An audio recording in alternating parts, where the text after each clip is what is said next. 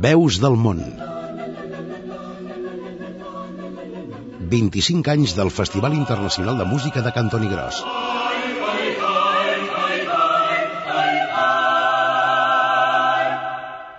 Amb Anna Jové i Albert Torrents. Agraïm la vostra atenció a l'hora de començar Veus del Món, el programa que us proposa una selecció de la millor música coral amb motiu de la celebració del 25è aniversari del Festival Internacional de Música de Cantoni Gros.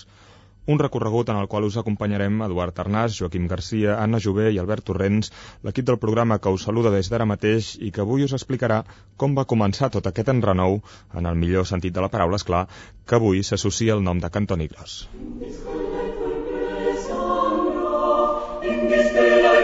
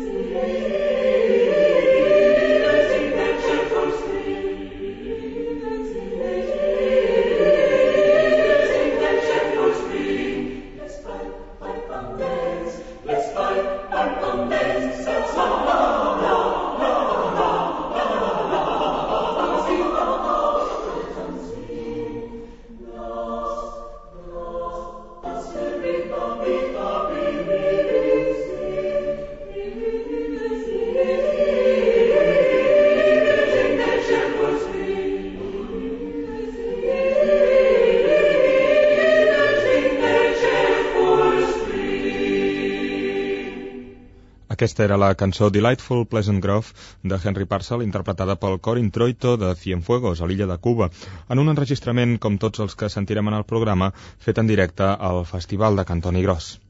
Fa 25 anys que el Festival Internacional de Música va iniciar les seves activitats amb l'objectiu de convocar gent d'arreu del món que, mitjançant la mostra de la música i de la dansa, convisquessin entre ells i amb la gent del nostre país i s'establissin llaços d'amistat i coneixement mutu. Durant aquests anys, Cantoni Gros ha anat rebent cors i grups de danses de cultures molt diferents que han demostrat que, efectivament, el llenguatge universal de la música i de la dansa uneix i agermana tots els pobles.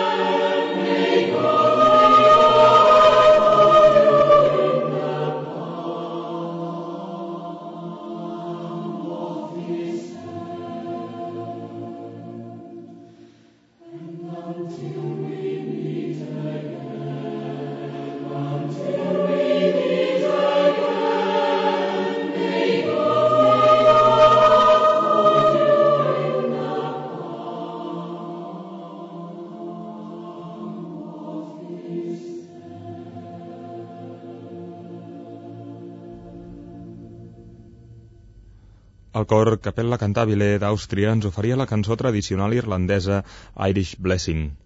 Des de la primera edició del festival, l'any 1983, la crida de Cantoni Gros ha estat atesa per un gran nombre d'agrupacions culturals d'arreu del món que es reuneixen en un espai obert al mateix poble que rep el nom de Campus Musical. El festival preveu que tots els grups vinguts de fora del nostre país convisquin tant com sigui possible amb la gent dels pobles, participant en les seves activitats i estil de vida i fent que la comunicació entre uns i altres sigui realment efectiva i constructiva. Per això el festival compta amb la col·laboració de 25 pobles de les comarques que envolten Cantoni Gros, les famílies dels quals allotgen a casa seva el gran nombre de participants, uns 2.000, que venen a la regió cada any.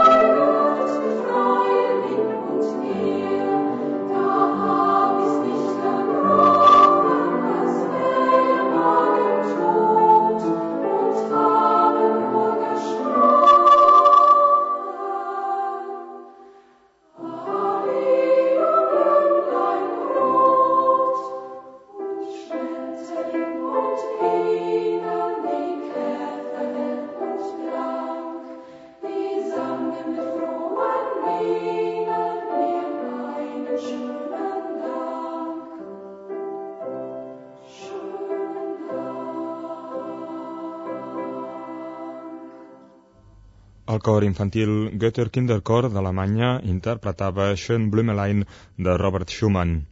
Avui, que el festival està plenament consolidat, pot semblar difícil de creure que els orígens d'aquest engranatge fossin d'un grup d'amics que cantaven plegats a la coral del poble de Cantoni Gros, potser el poble més petit de Catalunya que disposava d'un cor propi. Els integrants d'aquest Orfeo havien quedat fascinats per un esdeveniment similar que van conèixer al País de Gal·les, el festival que tenia lloc cada any al poble de l'Angolen.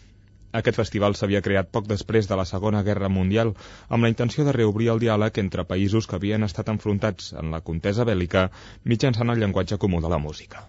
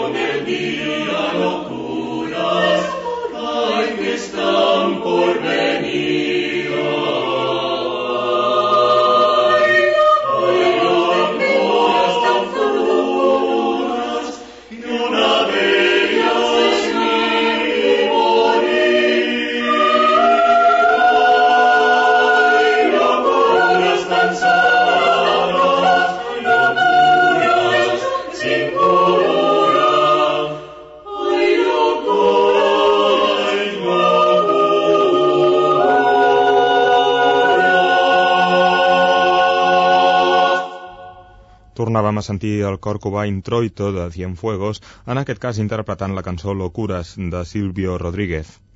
Inspirat per la iniciativa galesa de què us parlàvem, el fundador del Festival de Cantoni Gros, Josep Maria Busquets, va animar el seu Orfeó, que ja havia pres part en concursos corals a Espanya i a l'estranger, a participar en dues edicions del Festival de l'Angolen.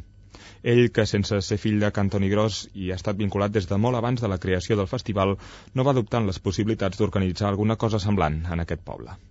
Josep Maria Busquets ens acompanyarà avui en aquest recorregut pels orígens del Festival Internacional de Música de Cantoni Gros. No és un tema de que aquest fos un fet, una, una iniciativa puntual d'unes voluntats en un moment determinat de conflagració, sinó que nosaltres vam arribar a la conclusió de que lo important, lo verdaderament important és que la gent del món se seguís relacionant a través d'un llenguatge comú i el llenguatge més comú de tots els països és les seves expressions més espontànies, que és la forma de cantar, la música i la dansa, que és una altra forma d'expressió.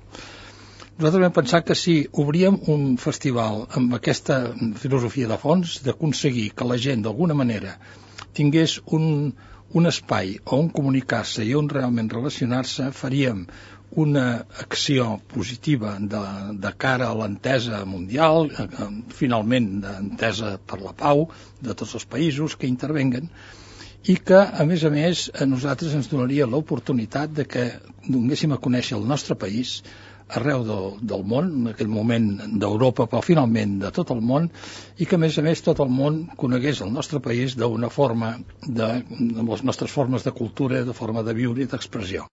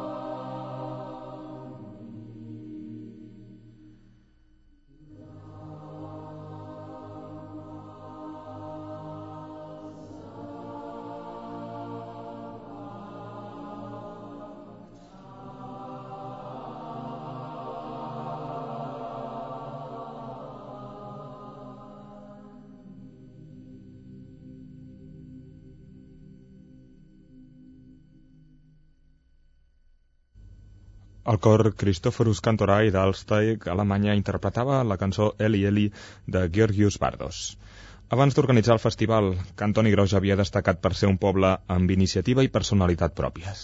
Cantoni havia sigut un punt de resistència en l'època de la, de la llengua, de l'època de, de la dictadura, i allà es havien fet coses que inversemblantment al reste del país no s'havien fet, i vaig dir que això tampoc s'ha fet en el reste del país, per tant nosaltres també hem de fer quelcom per fer una aportació al nostre país i el festival pot ser un dels temes més rellevants que nosaltres podem organitzar, ja que tenim un coneixement del, de com es fa una cosa d'aquestes i el tipus de gent que hi ha.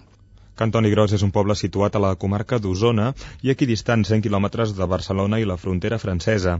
L'atmosfera dels seus carrers i els detalls del primer festival ens els explica Anna Jové en el següent reportatge.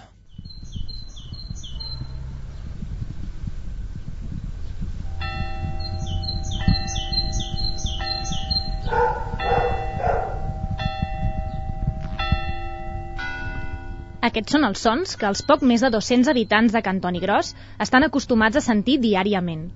En aquest petit poble de la comarca d'Osona, fundat l'any 1565 per un pagès de la Gascunya entre Vic i Rupit, l'estil de vida s'allunya molt del frenètic ritme de la ciutat. Des de les altures, al vell mig del Cabrerès, es pot admirar l'extensa plana de Vic.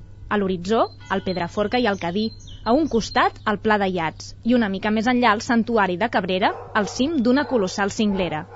Un quadre que sembla haver estat perfilat per la mà del més subtil pintor. Però durant quatre dies de juliol, la remor de la natura queda en segon pla i dona pas a un ambient totalment allunyat de l'habitual.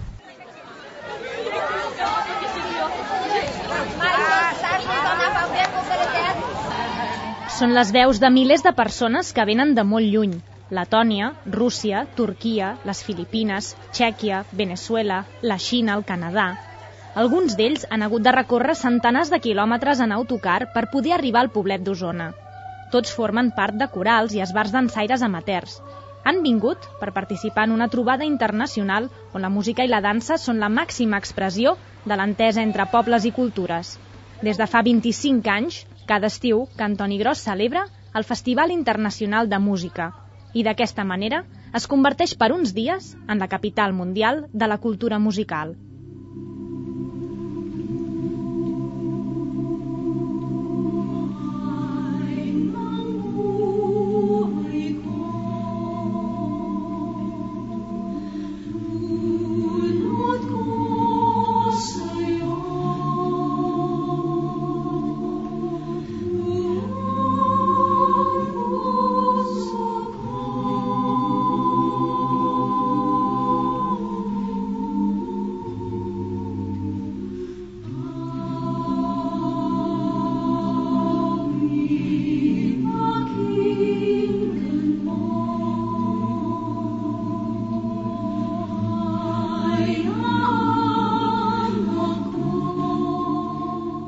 25 anys és molt de temps.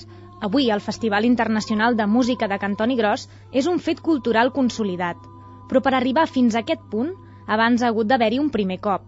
Retornar als orígens i fer memòria d'aquell primer festival no és una feina complicada per tots aquells que d'una manera o altra hi van estar implicats. Aquest és el cas d'en Francesc Soler, l'Assumpció Canal i la Rosa Plana.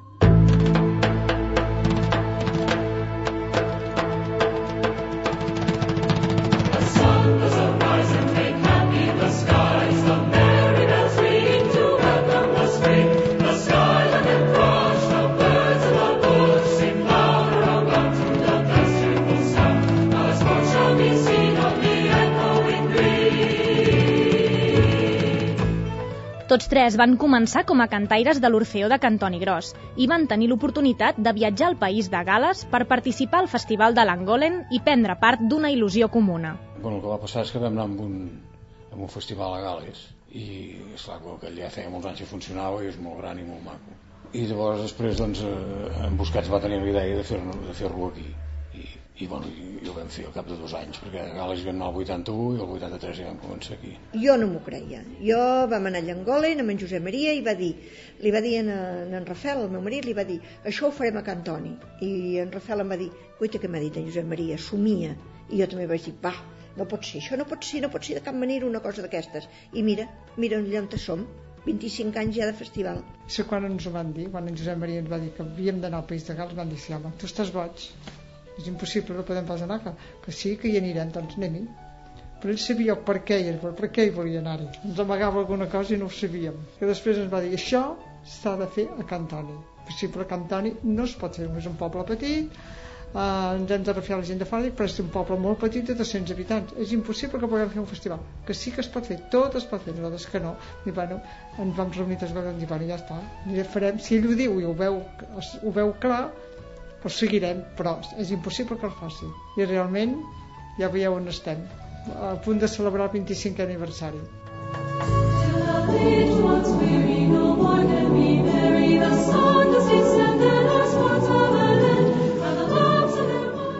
un cop la idea va madurar, el que calia fer era posar-se a treballar.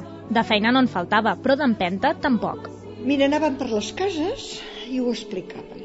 I llavors, quan anàvem per les cases i ho explicàvem, semblava que era una cinta de repetició, perquè havies d'anar dient perquè això, perquè allò, i deies el que no, tu no sabies encara a veure com seria.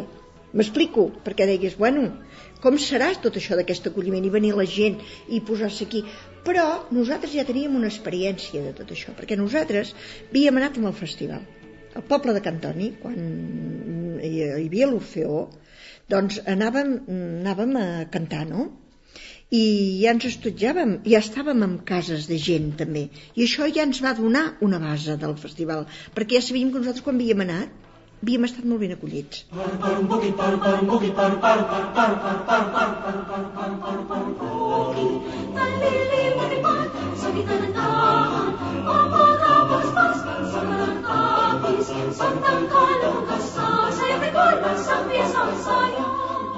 Per aquella època, en Jordi Domènech era tan sols una criatura i la Teresa Montfort tot just feia poc temps que estiuejava Cantoni però malgrat els anys, tots dos encara recorden com es van sentir el dia que tot el poble va començar a donar veus d'allò que s'estava preparant. La primera impressió és que venia una cosa molt gran, no? Que semblava que, que sé que teníem botiga a casa i vam dir prepareu-vos, no? Perquè això serà una cosa que no, no és gaire habitual, la veritat. Clar, eh, era dintre del poble, però una mica apartat, eh, pujava i baixava un carrilet la gent, els primers es feien allà baix al pla, sí. el, pla, el pla de Balà, no? Bueno, bueno, allà, allà... els camps aquells de, de, del Junquer, que en diuen, bueno, pla de Balà, però més avall, més avall, que ja en dèiem els camps del festival, no? I ara, els que, ja és el campus per nosaltres ara. Els primers, els primers, els primers anys de ser jo aquí a Cantoni, sí, sí, sí, que encara l'havíem enganxat allà baix, allà baix amb el carrelet que anava i venia, sí. Per poder organitzar tot de la millor manera, es va haver de crear una secretaria permanent. Al capdavant de l'oficina central hi havia la Joana Gonzalo. Vam començar un any abans per preparar tot el, el festival, que jo ben bé no sabia de, què anava, perquè jo no vaig anar a Llangolen, i clar, la gent m'explicava que allà havia un festival i que havíem de fer alguna cosa semblant a Cantoni Gros però clar, jo no podia imaginar-me què podia sortir de tot allò que m'explicaven. Jo recordo una època que tot era molt complicat i molt laboriós i no teníem mitjans, i no teníem ordinadors, i les màquines eren manuals, si no hi havia fax, i bueno, que era una feina pues, una mica complicada vista des, des d'avui perquè, clar, els mitjans són molt importants i en aquells moments pues, era tot eh, una feina molt artesanal. I sobretot jo penso que la falta de mitjans se suplia amb, amb molta il·lusió i moltes ganes de que tot sortís i, i, bueno, i, i al final va sortir el primer i d'aquí pues, eh, el segon, el tercer i ja portem 25, aquest any serà el 25. Sí,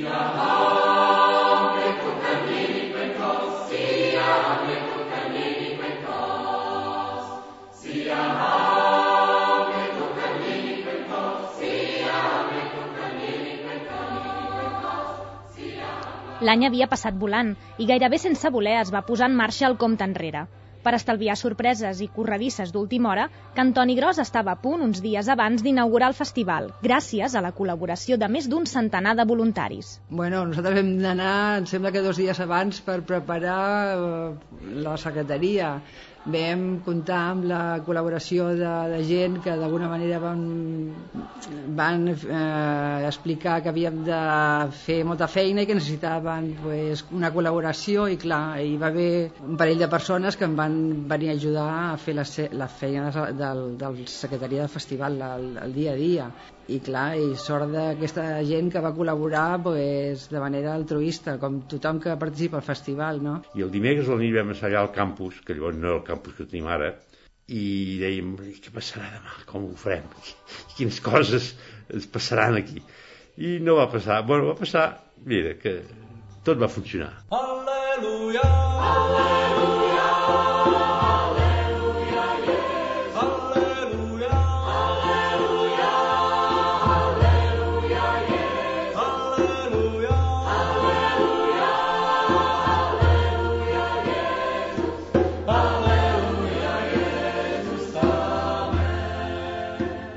Des de primera hora del matí, desenes d'autocars arribaven a Cantoni Gros com per art de màgia.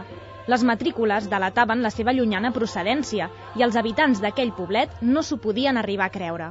Impressionant, és que t'emocionava i tot.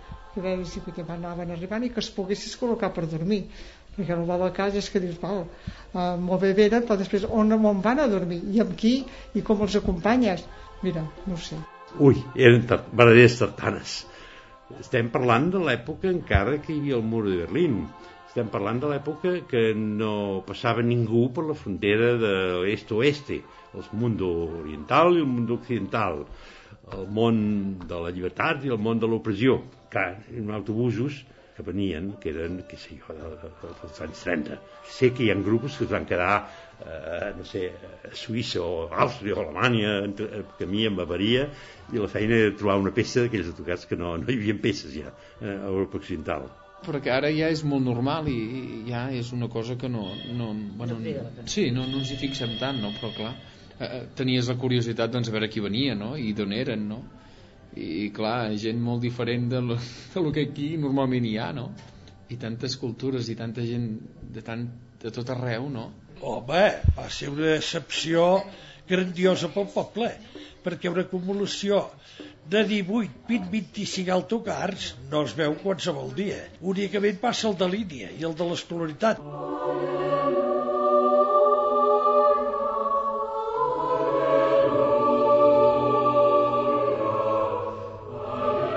Tal com explica en Manel Colom, el poble havia patit una immensa transformació, de 200 habitants a més de 2.000, com es pot suposar, el ritme de treball del primer dia va superar qualsevol previsió, però la il·lusió d'haver aconseguit arribar fins a aquest punt no l'esborrava cap tipus d'entrebanc. Sempre hi havia una solució i sempre hi havia una manera de sortir-se'n. Jo sé que hi havia la gent del poble, en Josep Maria ens va reunir i ens va demanar a veure si ajudaríem, perquè ja venien els del càtering, però que hi havia d'haver gent del poble, no? I doncs érem, em sembla que fèiem érem 14 o 15 al primer torn, 14 o 15 al segon torn, i llavors ens combinàvem, i escolta, amb moltes ganes de tirar-ho tot endavant, i va ser, jo sé que el primer dia vam dir, hem donat 800 dinars, un èxit, 800 dinars. Venien cansats, venien bueno, morts de, de, de, de tants dies i de tantes peripècies eh, per arribar a Cantoni Gros. I el que a mi sempre em sorprèn moltíssim és quan pugen a l'escenari que pugen transformats, no?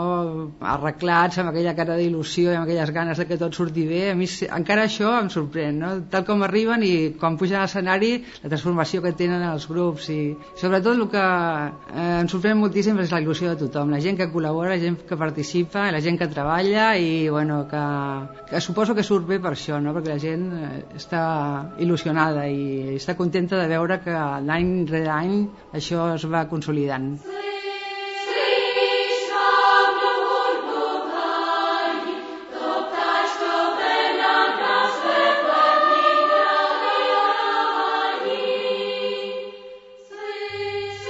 Moltes de les famílies que acollien gent a casa seva i també molts dels que col·laboraven amb l'organització d'aquell primer festival només parlaven i entenien el català i el castellà. La por era saber com es podrien comunicar amb tota aquella multitud que arribava d'arreu del món. Principalment jo, fatal. Però bueno, amb signes o com podíem, i l'altre que, que sabia parlar, bueno, que parlava anglès o que sigui, és que parlo de molts anys. I a la gent de les cases, imagineu un bon poble com a Cantanya, de 200 habitants, que no veus massa gent, que cada volta que se't presenta tota aquesta gent de fora, fantàstic, perquè tothom es va entendre i fantàsticament, molt bé, molt bé, molt bé, molt bé. Van ser quatre dies plens de música i de convivència. Corals d'un gran nivell artístic van concursar en les diverses competicions. Els grups de dansa no es conformaven demostrant el seu art damunt de l'escenari, sinó que també ballaven damunt la gespa, envoltats de gent d'arreu que intentava seguir el ritme de la música i aprendre els passos del ball típic d'aquell país tan diferent del seu.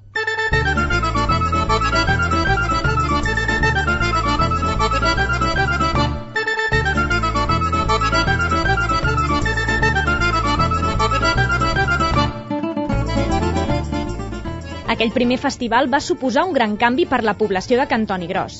La música havia estat el mitjà a través del qual s'havia pres una autèntica lliçó d'humanitat i de fraternitat entre cultures i pobles. Dos anys sencers de preparatius i els quatre dies havien passat com si res. Havia arribat l'hora d'acomiadar-se. I quan es va acabar el festival vam dir, hem set capaços de fer un festival. Jo vaig pensar, si poguéssim arribar als 5 anys. Tinc una veïna de casa, de casa meva que ha viscut i quan marxaven és que ploraven a llàgrima viva tots amb unes abraçades perquè és que la convivència era tan forta i no s'entenien amb res, amb gestos, res més una senyora ja una, mitjanament una mica gran i fantàsticament bé Així va començar aquest certamen musical que enguany celebra els 25 anys. Un festival únic al país que ha aconseguit crear la seva pròpia personalitat. I que el poble, jo veig que clar, evidentment es transforma no, en quatre dies, però que, clar, canvia tant, no? I és, perquè l'ambient normalment és un ambient molt maco, vull dir, eh, sí. molt sa i, i molt agradable, però clar, doncs no sé, aquí al costat mateix eh, canten, eh, a davant també canten, allà canten, aquí ballen al bar d'aquí al costat, eh, fan festa, però vull dir que tot, per aquí al, al carrer tothom és salta i balla. És, és, és sí. tot el poble que és sí. festival. Sí, sí, sí. Vull dir, perquè veus doncs, la gent que baixa amb els vestits típics i tot, clar, tot el carrer que es troben les colles entre si, que entre ells doncs uns es fan amb els altres, que llavors uns canten i com que hi ha unes cançons que han de saber tots perquè són obligatòries doncs, doncs ells mateixos comença un cor i junta un altre Canta mi pueblo, canta mi gente,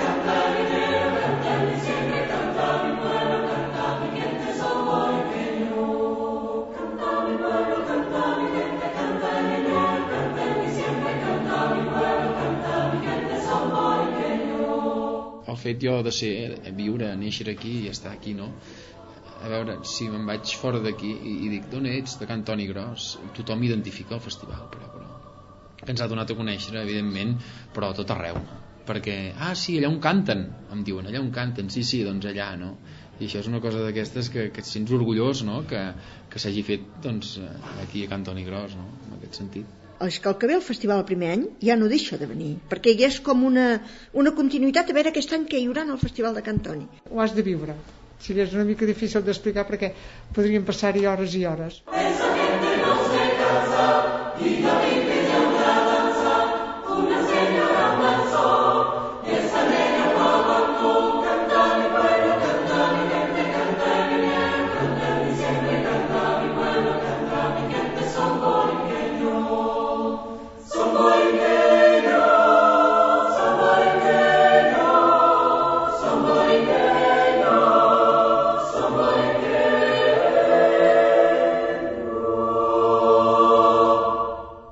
Aquesta era la interpretació que feia el cor Café Coral de Costa Rica de la cançó popular del seu país Som Borriqueño. La primera edició del Festival de Cantoni Gros va comptar amb la participació de 49 grups de 19 països.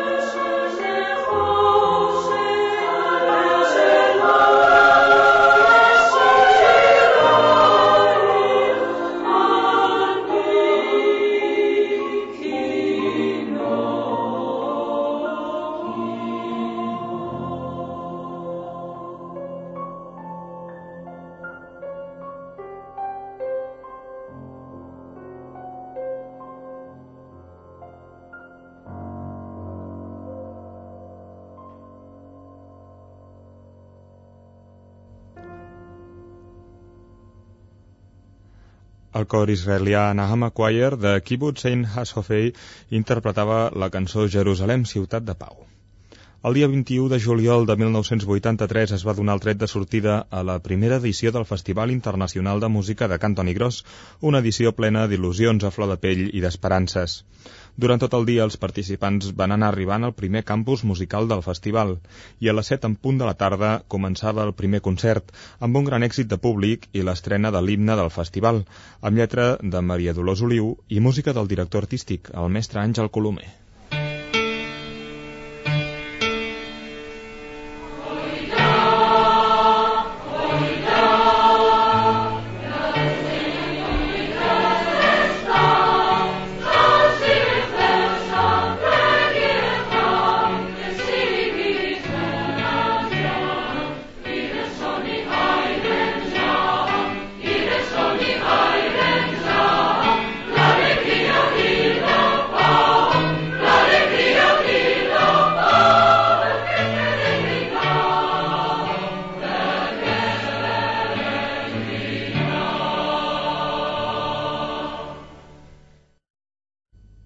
L'himne que Àngel Colomer i Maria Dolors Oliu van escriure per al Festival Internacional de Música de Cantoni Gros, un esdeveniment que de seguida va rebre el suport d'institucions públiques i privades, així com un elevat nombre de col·laboradors, empresaris, entitats, associacions i una gran quantitat de persones que encara avui estan vinculades.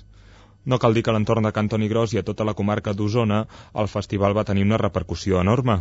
La premsa local se'n va fer ressò, destacant els orígens de la iniciativa i l'excel·lent qualitat de tots els participants, com també és clar les dels grups guanyadors.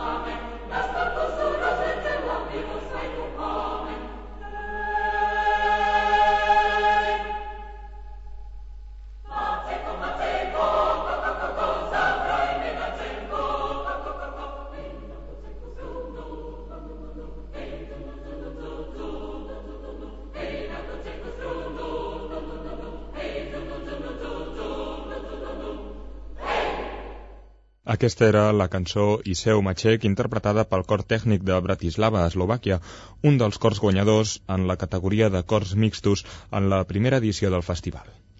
Sorprenentment, però, tot i el resultat de la primera edició, les reaccions a aquest primer festival no van ser unànimes. El cert és que va ser un inici realment espectacular per tots i nosaltres ens va impressionar molt i tothom ens va felicitar, això és veritat, tant institucionalment com les personalitats d'allí, de, de, dels llocs de, de Vic i de, dels pobles d'allà, els alcaldes, i tots ens van vaticinar que aquella iniciativa era fantàstica però que era irrepetible. Per tant, que difícilment aquest festival prosperés i que pogués fer-se un segon any. Nosaltres vam dir que, bueno, que havíem pensat al principi fer-lo cada dos anys, però que ara finalment havíem decidit, en vista de l'èxit, de fer-lo cada any i ens van dir que això no ho aconseguiríem perquè la fatiga de la gent, me'n recordo que això ens ho deien molt, la fatiga de la gent, de la gent de tenir gent a casa seva, de la gent de treballar per aquesta causa, que és una causa, a més a més, de voluntarisme total, si la gent que treballa en el festival és totalment voluntarista, que seria una cosa impossible de mantenir. Bé, nosaltres no hem donat respostes a, a les preguntes, en aquest cas hem demostrat tenim 25 anys de, de vida, per tant, això sembla ser que s'ha superat. Per què la gent no hi creia? Perquè la cosa tenia una envergadura tal. Per què la gent no hi creia? Perquè la cosa tenia una envergadura tal que si es dimensionava des d'un punt de vista professional era insostenible per la falta de recursos que hi havia. Fet amb el plan de voluntarisme amateur, això potenciava el funcionament perquè la gent s'hi abocava no a canvi d'uns recursos econòmics que li poguessin arribar o d'unes ajudes econòmiques, sinó per voluntat pròpia amb tota la llibertat que això comporta, el no rebre una contrapartida econòmica que t'obliga a fer unes determinades coses que potser no voldries fer. En canvi, així, tu fas allò que, que lliure, lliurement se't demana que si vols fer, i si no vols fer no ho fas. És a dir, i aquest, aquest sentit de llibertat i aquest sentit de disposició de la gent del nostre país és molt evident perquè s'ha demostrat en altres ocasions i en aquest cas va ser una demostració absolutament evident de que les persones tenen una actitud de disponibilitat de disposició que difícilment trobaríem amb altres intercanvis de tipus més, eh, diríem, de relació, ja no dic laboral, però sí econòmic, de compensacions i de més, que la gent comença a valorar des d'un altre punt de vista i que aleshores això condiciona molt que aquelles voluntats eh, avancin o no. En canvi, en el nostre cas això va ser així.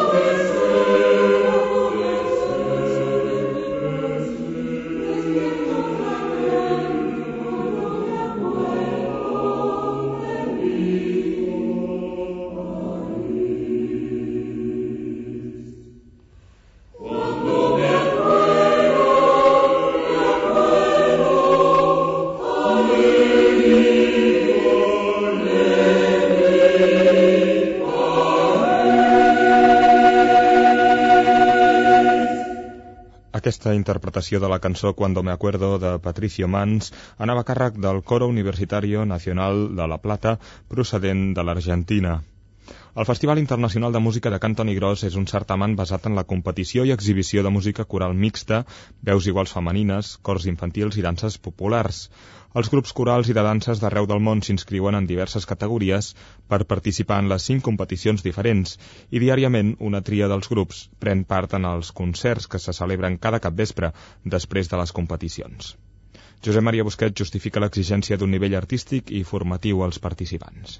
Nosaltres vam aplicar i vam adoptar el sistema de competició perquè entenem que la gent que venia tenien que venir amb la preparació suficient perquè allò no fos un camp de vacances, sinó que vinguessin realment a fer eh, una aportació cultural d'allò millor que tinguessin i que sapiguessin saber. I per fer això és necessari crear un sistema competitiu on cada un dels països vol tenir el lideratge o vol, vol obtenir una posició de, de demostració de que la seva cultura la desenvolupa amb una eficiència i una eficàcia i que, eh, bé, en aquest cas, en el cas de Cantoni, s'ha traduït realment amb un punt de referència arreu del món en aquests moments, i sobretot a Europa, com un dels festivals més avançat, en el sentit de que la gent que ve al nostre festival ho té en el seu palmarès com un, una, una, de les, una de les qualitats específiques que li permet presentar-se a altres festivals i ser admès si ha obtingut algun premi al Festival de Cantoni. O si no, solament, encara que sigui pel fet d'haver estat acceptat, seleccionat, i per tant això ja li dono un crèdit.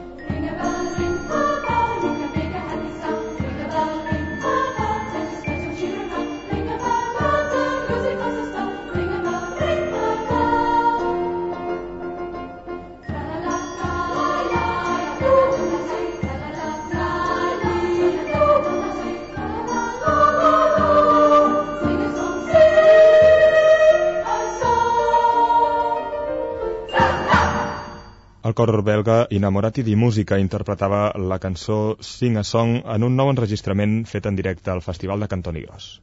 Veus del món.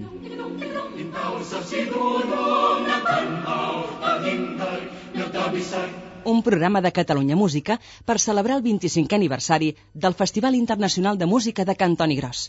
Els grups participants al festival procedents de fora de Catalunya s'allotgen gratuïtament en cases particulars i residències del poble de Cantoni Gros i dels voltants. Els principals àpats del dia se'ls serveixen en el recinte del festival, al campus, que està obert des del matí fins al vespre. D'aquesta manera, amb les màximes hores de convivència dels participants en un mateix espai, s'aconsegueix l'element distintiu que els organitzadors del festival han buscat en tot moment, que Cantoni Gros sigui, a més d'una competició, un lloc d'intercanvi i coneixement una característica que ha fet de Cantoni Gros, en definitiva, un festival únic cap festival amateur en aquest sentit, amb aquesta estructura, amb aquesta filosofia, de rebre gent de tot el món i de rebre 2.000 participants com rebem nosaltres, ningú més ho ha fet en el nostre país ni a la resta d'Europa, eh? és a dir, tu eh, pots anar a Seguitzi o pots anar a Arezzo o pots anar a aquests llocs i fan festivals molt ben fets, eh, qualitativament molt bé, però que són gent que no, la gent no viu, no participa, no, no s'integra en aquest món des d'un punt de vista de la convivència, de la relació, del campus aquest universal que tenim nosaltres. Was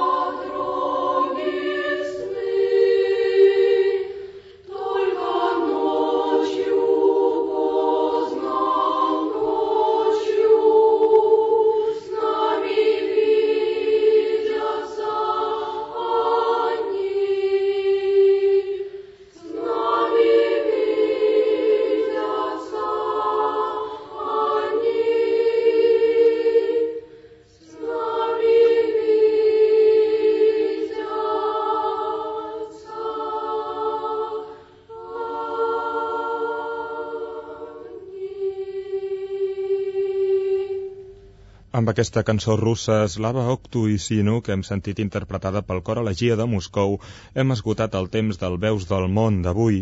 Els que hem fet aquest programa, Eduard Arnàs i Joaquim Garcia, el control tècnic, i Anna Jové i Albert Torrents des dels micròfons. Esperem que hagueu gaudit amb aquest recorregut pels orígens del Festival de Cantoni Gros. Us donem les gràcies per la vostra atenció i esperem retrobar-vos en una nova edició d'aquest programa. Fins llavors. Veus del món 25 anys del Festival Internacional de Música de Cantoni Gros.